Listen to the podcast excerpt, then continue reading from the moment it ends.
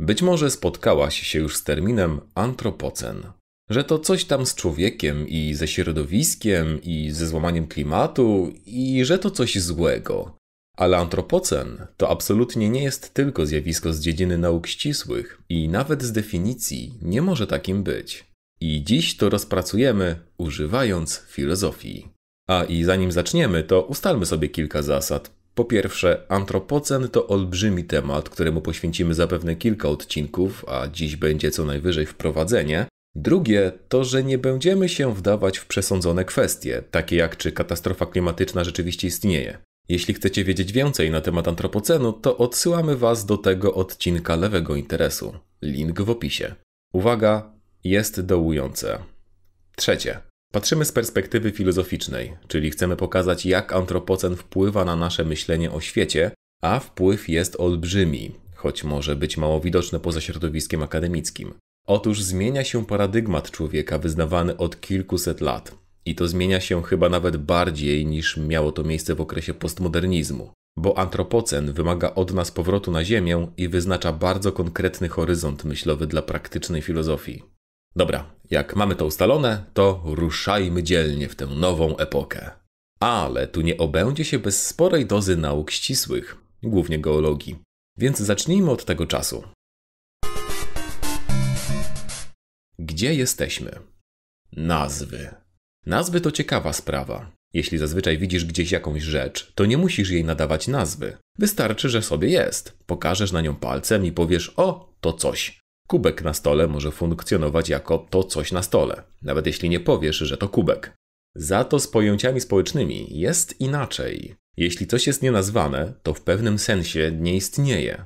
Czy może lepiej nie funkcjonuje. Możemy widzieć jakieś jego przejawy, ale będą to dla nas odrębne zjawiska, a nie część jednej całości. Dlatego najpierw musimy wymyślić nazwę dla zbieraniny tych konkretnych zjawisk, które wybraliśmy pozornie arbitralnie, a potem musimy dowieść, jak one się łączą. Dopiero wtedy takie pojęcie będzie mieć sens, a połączenia, które to nowe zjawisko opisuje, mogą stać się przedmiotem badań. Antropocen jest słowem, które właśnie odpowiada na taką potrzebę, zarówno w naukach ścisłych, jak i humanistycznych czy społecznych. Najpierw przyjrzyjmy się, co ono znaczy. Antropocen, czyli dosłownie epoka człowieka, to pojęcie spopularyzowane przez Paula Kutzena i Eugena Stormera w krótkim artykule z 2000 roku. Autorzy postulowali w nim, że zmiany w systemie ziemskim spowodowane przez człowieka są tak duże, że weszliśmy w nową epokę geologiczną. Ale co to jest ta cała epoka? Otóż Ziemia jest stara. Bardzo stara. Ma tak jedną trzecią wieku wszechświata i przez ten czas przechodziła różne przemiany. Zależnie od skali tych przemian możemy mówić o od największej do najmniejszej eonach, erach, okresach i epokach. A gdzie jesteśmy? Po kolei. Aktualny eon to fanerozoik, czyli widoczne życie. To czas, kiedy pojawiło się jakieś ciekawsze życie i zaczął się 541 milionów lat temu. Aktualna era to kenozoik, czyli nowe życie. Kiedy to asteroida wybiła, no, stare życie, czyli dinozaury, i dzięki temu zaczęły panować ssaki. Era ta zaczęła się 65 milionów lat temu. Aktualny okres to czwartorząd, który charakteryzuje się cyklicznymi epokami lodowcowymi i zaczął się ponad 2,5 miliona lat temu. I wreszcie dzieli się na dwie epoki. Pleistocen, czyli ten nowszy, który trwał prawie przez te 2,5 miliona lat, i Holocen, czyli zupełnie nowy, który zaczął się 12 tysięcy lat temu i charakteryzuje się zaskakująco stabilnym klimatem. A przynajmniej Holocen był stabilny, bo pewnego dnia zaatakował naród ognia i wszystko się zmieniło. Dokładniej, dzięki naszym emisjom gazów cieplarnianych weszliśmy w okres zmiany klimatu antropocen. Ale widzicie chyba, że coś tu się nie zgadza w numerkach. Zmieniać epokę geologiczną tylko po 12 tysiącach lat? Czy aż tak wszystko się zmieniło? Cóż, i tak, i nie. Nie, bo wyglądając za okno, raczej jeszcze nie zobaczysz aż tak drastycznych zmian. Przynajmniej u nas, w strefie umiarkowanej. Ale też tak, bo zmiany geologiczne to nie jest coś, co można łatwo powstrzymać. Generalnie, gdybyśmy nawet teraz magicznie przestali emitować gazy cieplarniane, to siłą bezwładności wylądujemy w antropocenie, czy tego chcemy, czy nie. No dobra, ale czy to nie jest jak zawsze? Ekologii zawsze straszą, a to jakieś kwaśne deszcze, a to jakieś dziury ozonowe, a potem i tak nam się nic nie dzieje. Tak samo teraz. Coś tam, coś tam, klimat się ogrzeje, ale potem przejdziemy na wiatraki i samochody elektryczne i będzie spozio. I tu właśnie przechodzimy do sedna.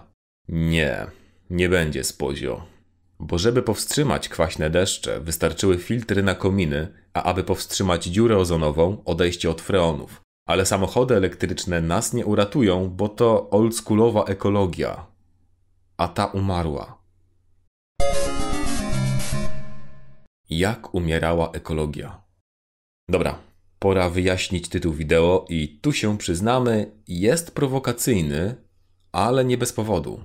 No bo Wszyscy znamy ekologię w znaczeniu potocznym. To te wszystkie kampanie społeczne, żeby, nie wiem, nie wypalać traw, bo giną skowronki, albo żeby dbać o jeże, albo nie wyrzucać śmieci do lasu, albo zakręcać wodę. Generalnie chodzi o to, aby być fajnym człowiekiem i jako ten fajny człowiek wziąć łaskawie i pochylić się nad tą biedną naturą. W końcu taka nasza rola jako panów stworzenia, nie? Chodzi o dbanie o przyrodę i choć czasem metaforycznie ujmuje się to jako dbanie o planetę, to jednak w rzeczywistości te problemy są lokalne, a nie globalne. Od zniszczymy jakiś las, zatrujemy jakąś rzekę, będziemy oddychać smogiem w jakimś mieście, ale wystarczy znaleźć inny las, inną rzekę, inne miasto. W antropocenie już tak nie ma. Dosłownie niszczymy naszą planetę. Ale zaraz, zaraz. Jak to niszczymy planetę? Co, bierzemy kawałki i wyrzucamy je w kosmos? Jeśli chcemy zrozumieć, co w tym kontekście znaczy słowo planeta, musimy wyjść poza taką astrofizyczną definicję. Aby to zrobić, najlepiej się cofnąć i rzucić okiem na to, skąd wzięło się nasze rozumienie antropocenu. W 1970 roku James Lovelock po długich badaniach opracował hipotezę, według której biosfera, czyli życie, ma wzajemny wpływ na sferę abiotyczną, czyli ziemię, wodę i powietrze, dzięki czemu obie utrzymują się w stanie równowagi. Ta hipoteza została nazwana hipotezą Gai. I była całkiem spoko. Nie przewidziała tylko jednego gatunku, który prawie całkowicie ją zniszczył. Hipisów.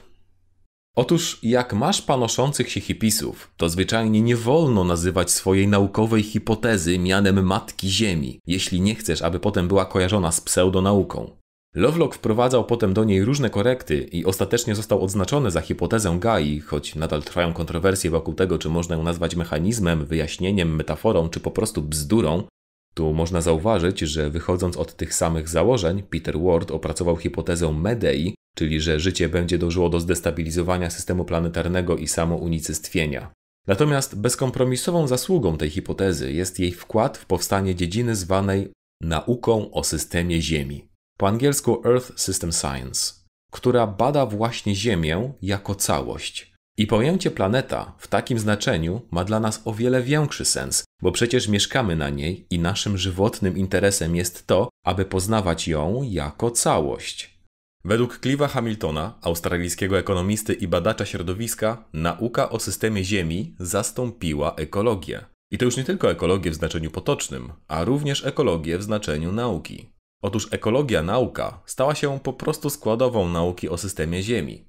I owszem, możemy mówić o jakichś konkretnych ekosystemach, ich załamaniach, ale twierdzenie, że na tym powinna polegać ekologia, czy to naukowa, czy to potoczna, to po prostu przestarzałe podejście, w naszych czasach kluczową rolę odgrywa system ziemski. I teraz antropocen mówi, że zyskaliśmy moc naruszania równowagi tego systemu. I teraz tak na zdrowy rozsądek możemy pomyśleć, że jeśli na przykład wyemitujemy za dużo kwaśnych deszczy, to przetrzebimy swoje lasy, wyginą jakieś sroki, sikorki czy inne stworki i generalnie Ziemia zrobi się o 1% bardziej, no, zdechła. Natomiast nauka o systemie Ziemi tłumaczy nam, że te połączenia są bardziej skomplikowane. Inne aspekty systemu ziemskiego przejmą ciężar tej zmiany i bardzo możliwe, że ją zamortyzują. Ale w trakcie tego procesu zmieni się również coś w nich, co może mieć dalej nieprzewidywalne skutki. Generalnie to można powiedzieć, że Gaia, system ziemski, będzie dążyć do równowagi. Ale przecież historia geologiczna Ziemi bynajmniej nie jest historią równowagi. Przecież te wszystkie ery i okresy to momenty katastroficznych przemian. Słuszna uwaga. Otóż punkt równowagi nie jest tylko jeden. Wyobraźmy sobie, że Ziemia to taki płaski krążek na jednowymiarowym torze. Wiadomo, że zawsze będzie dążył do jak najniższego punktu. Jeśli punkt, w którym teraz jest, nieco przesuniemy, to Ziemia krążek przesunie się wraz z nim. To właśnie ta homeostaza. Za to, jeśli ten punkt przesuniemy w górę, to krążek zacznie się toczyć, aż znajdzie kolejny najniższy punkt, w którym się zatrzyma. I właśnie przed czymś takim stoimy. Nasz najniższy punkt wygodnego holocenu, który miałby trwać jeszcze z 20 tysięcy lat, według wszelkich pomiarów nie wytrzyma kolejnego półwiecza i system ziemski zacznie szukać sobie innego punktu homeostazy. Wszystko połączone. Jednym z najpopularniejszych przedstawień aktualnego kryzysu jest stworzona przez Johanna Rockstroma i Willa Steffena koncepcja granic planetarnych. Wyznacza ona dziewięć obszarów, w których system ziemski może zostać zaburzony: zmiana klimatu, nowe substancje w środowisku, zubożenie ozonu w stratosferze, ładunek aerozoli w atmosferze, zakwaszenie oceanów, zaburzenie cykli biogeochemicznych, wyczerpanie zasobów słodkiej wody, zmiana systemów lądowych i integralność biosfery. Jak widać, dwa i pół z nich nie zostało jeszcze oszacowane. I teraz wszystko, co nie dosięga granicy, mieści się w sferze bezpiecznej, poza którą znajduje się strefa niepewności. W sferze bezpiecznej znajdują się tylko trzy wskaźniki: zużycie wody słodkiej, dziura ozonowa, ten niski poziom to wynik zmian, których dokonaliśmy w latach 90., i zakwaszenie oceanów. W strefie ryzyka znajduje się zmiana klimatu i zmiana systemów lądowych, czyli to, jaka część powierzchni lądu jest wykorzystywana w sposób zaburzający system planetarny. I wreszcie w sferze wysokiego ryzyka mamy zaburzenie cykli biogeochemicznych azotu i fosforu, czyli pierwiastków używanych w nawozach sztucznych. Problem z nimi polega na tym, że rośliny hodowane przez człowieka pochłaniają niewielką ich część, zaś reszta ląduje w innych elementach ekosystemu, który nie jest przystosowany do radzenia sobie z taką ich ilością, w wyniku czego pewne gatunki przesadnie się rozrastają, wypierając pozostałe. Przykładem tego są chociaż rozkwity sinic, jak te, które mieliśmy w Bałtyku.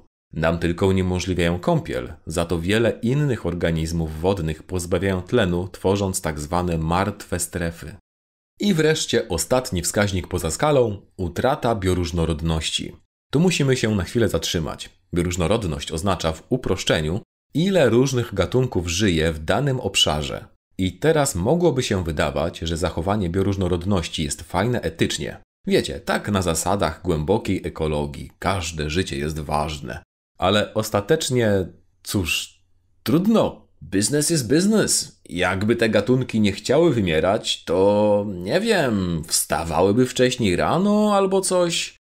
Przetrwają te najlepiej dostosowane. It's evolution, baby! Yeah! Takie myślenie jest jednak błędne. Otóż ekosystemy to nie maszyny. W świecie ludzkim im maszyna jest mniej skomplikowana, tym bardziej jest odporna na uszkodzenia. Natomiast w ekosystemach jest odwrotnie. Im więcej dany ekosystem ma elementów, tym bardziej jest stabilny. Spójrzmy na przykład na ekosystem złożony z trzech organizmów, które zjadają się wzajemnie na zasadzie papier, kamień, nożyce. Jeśli któryś z tych organizmów wyginie, to jest mała szansa, że pozostałe dwa będą mogły się przystosować. Więc wyginą razem z nim. Natomiast jeśli w jakimś ekosystemie jest 20 organizmów i wyginie jeden z nich, to żywiące się nim organizmy mają nadal 18 innych do wyboru. I choć może te nowe nie będą tak pożywne czy łatwe do opolowania, to jednak jest spora szansa, że coś się tam znajdzie. Ekosystem nieznacznie się zmieni, ale przetrwa w generalnie podobnej formie. Może spotkałeś się z określeniem szóste wymieranie gatunków. Aktualnie gatunki wymierają w tempie od 100 do 1000 razy szybszym niż ma to miejsce w normalnym biegu życia planety. I część z tych wymierających gatunków powoduje załamanie się ekosystemów, co znowu destabilizuje system planetarny. Główny problem z granicami planetarnymi polega na tym, że one wzajemnie na siebie wpływają. Przykładowo, ocieplenie klimatu odbywa się tak powoli, ponieważ 93% nadwyżki energetycznej jest pochłaniane przez oceany. Jednak to przyczynia się do ich zakwaszenia, a zakwaszenie i wzrost temperatur prowadzą do utraty bioróżnorodności, czego najsławniejszym przypadkiem są ginące rafy koralowe. To znaczy, że nie możemy po prostu przerzucać problemu z jednej granicy planetarnej do drugiej, czyli na przykład nie możemy stwierdzić, że w ramach walki ze zmianą klimatu wymienimy wszystkie nasze silniki na elektryczne, bo to wymagałoby wydobycia surowców do produkcji baterii, takich jak lit, w tak dużych ilościach, że spowodowalibyśmy inne zaburzenia w systemie planetarnym. Tak postępowaliśmy dotychczas i to działało, bo ten system planetarny był stabilny. Teraz nie jest. A jak żyć w systemie niestabilnym? Panie prezydencie, jak żyć? Rezyliencja i człowiek. I tu przechodzimy do pewnego dziwnego pojęcia rezyliencji. Wiem, brzmi jak straszne zapożyczenie z angielskiego, ale nie mamy chyba polskiego odpowiednika. Rezyliencja to coś jak połączenie odporności i elastyczności, zdolność systemu do przejęcia uderzenia, odgięcia się, a potem powrotu do stanu początkowego. Określenie odporność nie pasuje, bo kamień jest odporny na uderzenia, ale nie jest rezylientny. Walniesz go wystarczająco mocno, to pęknie na pół, a nie zmieni kształt.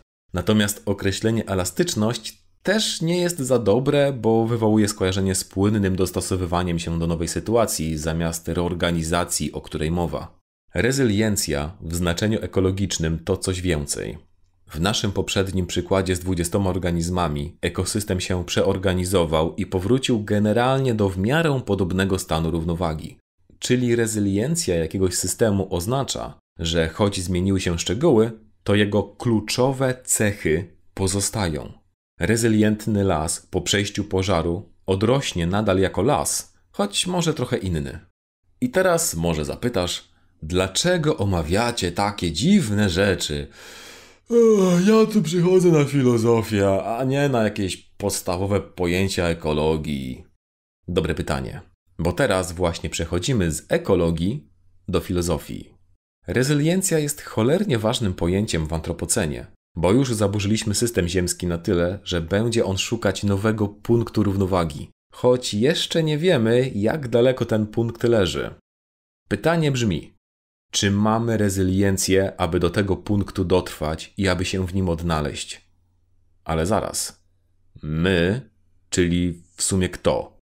Otóż pojęcie rezyliencji można stosować do bardzo wielu rzeczy: ekosystemów, firm, miast, systemów rządów, państw. I tu pojawia się podstawowy temat. Jeśli rezyliencja to zachowanie kluczowych cech, to jakie cechy, powiedzmy państwa, są kluczowe, a bez jakich może się ono obejść? Innymi słowy, jakie są granice między jego rezyliencją a przemianą? A to już zagadnienie nie tyle ekologiczne, co polityczne i filozoficzne, przed którym staną ludzkie społeczności na wszelakich poziomach, kiedy będą brały antropocen na klatę. Czy mamy zadbać o najbiedniejszych, czy o dochody najbogatszych?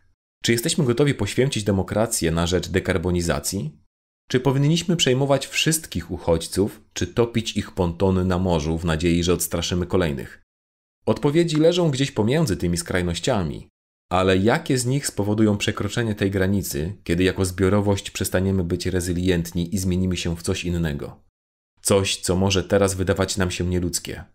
Czyli tak samo jak państwa, co jesteśmy w stanie poświęcić, aby zachować ludzkość, a czego nie wolno nam utracić? Antropocen będzie epoką takich wyborów. Dla grup na każdej skali i dla każdego z nas z osobna. No, to wszedłem na politykę i nie mogę nie poruszyć najważniejszego problemu antropocenu jego nazwy. Otóż, kim jest ten antropos? Gdybyśmy mieli, powiedzmy, borsukocen, gdzie borsuki byłyby dominującą siłą geologiczną, to nie byłoby z tym większego problemu, bo jednak borsuki szczególnie nie różnią się między sobą sposobami życia. Za to antropocen nie jest bynajmniej wynikiem działania jakiejś jednolitej masy ludzi, tylko konkretnej grupy i konkretnego podejścia wywodzącego się z konkretnego kontynentu. Na antropocenie najbardziej dorobiła się tak zwana globalna północ. I to kosztem, nazwijmy to ładnie, wyzysku globalnego południa. Przynajmniej tak wygląda najprostszy z podziałów. Czy na pewno obie te grupy zasługują na tę samą plakietkę antroposa? Można na to też spojrzeć inaczej. W każdym kraju znajdują się elity, które żyją znacznie lepiej niż przeciętny mieszkaniec i odpowiednio dużo konsumują, i biedota, która żyje znacznie gorzej. Czy uczciwe będzie uznanie, że obie strony są winne tak samo i że każdy powinien odpowiednio ograniczyć konsumpcję? To tylko absolutny wierzchołek góry lodowej w dyskusji wokół antropocenu. A jest o czym, bo konkurencyjnych nazw jest mnóstwo. Kapitalocen, technocen, eremocen, mizantropocen, plantacjocen, oligarchocen, czy wreszcie dość popularny i odpowiednio dziwnie opisany ktulucen. Ale do tego jeszcze wrócimy w innym wideo. Koniecznie. I choć to jednak termin antropocen z pewnością się przyjmie, to uznanie, że nie każdy człowiek jest tym antroposem, jest kluczowe w tej dyskusji. A jak już jesteśmy przy antroposie, to musimy jeszcze coś rozważyć. Nowy antropocentryzm, czyli co? To, co mówiliśmy do tej pory, może brzmieć jak oczywistości, ale tak naprawdę jest zmianą paradygmatu w podejściu i do człowieka, i do natury. Antropocentryzm oznacza stawianie człowieka w środku świata. Wiem, brzmi podobnie jak antropocen, ale ta zbieżność nazw jest przypadkowa. I to pojęcie sobie tam przez wieki ewoluowało. W średniowieczu człowiek był wyjątkowy, bo był stworzony na obraz i podobieństwo Boga, tak zwana koncepcja imago Dei. Od renesansu zaczęto bardziej skupiać się na zdolnościach człowieka, a od oświecenia kluczowy stał się rozum. Czytam rozum, ten uniwersalny i zdolny do poznania całego świata bez żadnych tam bogów.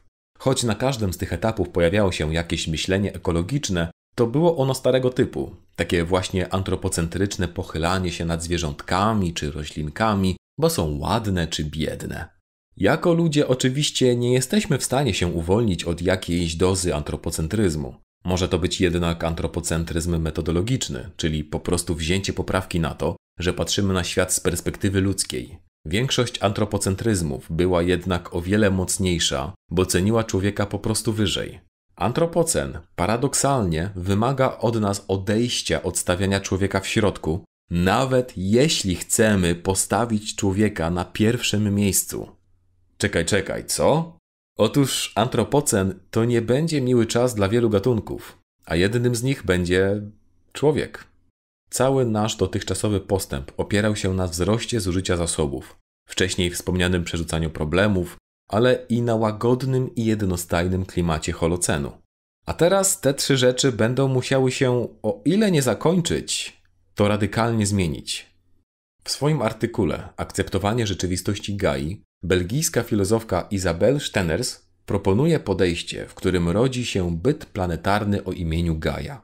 Pojęcie bytu planetarnego może brzmieć abstrakcyjnie, ale, powie Stenners, nie bardziej niż pojęcie rynku. A przecież wszyscy wierzymy w rynek, uznajemy go za coś istniejącego i staramy się żyć z nim w zgodzie.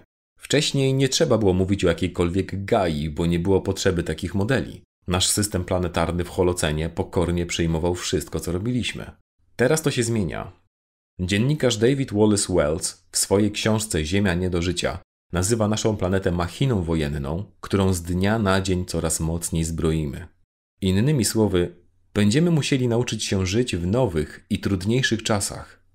Dlatego dla własnego dobra musimy postawić tak zwaną naturę na pierwszym miejscu. Tak zwaną, bo antropocen uczy nas, że jesteśmy jak najbardziej jej częścią i polegamy na jej ekosystemach, aby mieć takie rzeczy jak jedzenie czy miejsca zdatne do zamieszkania.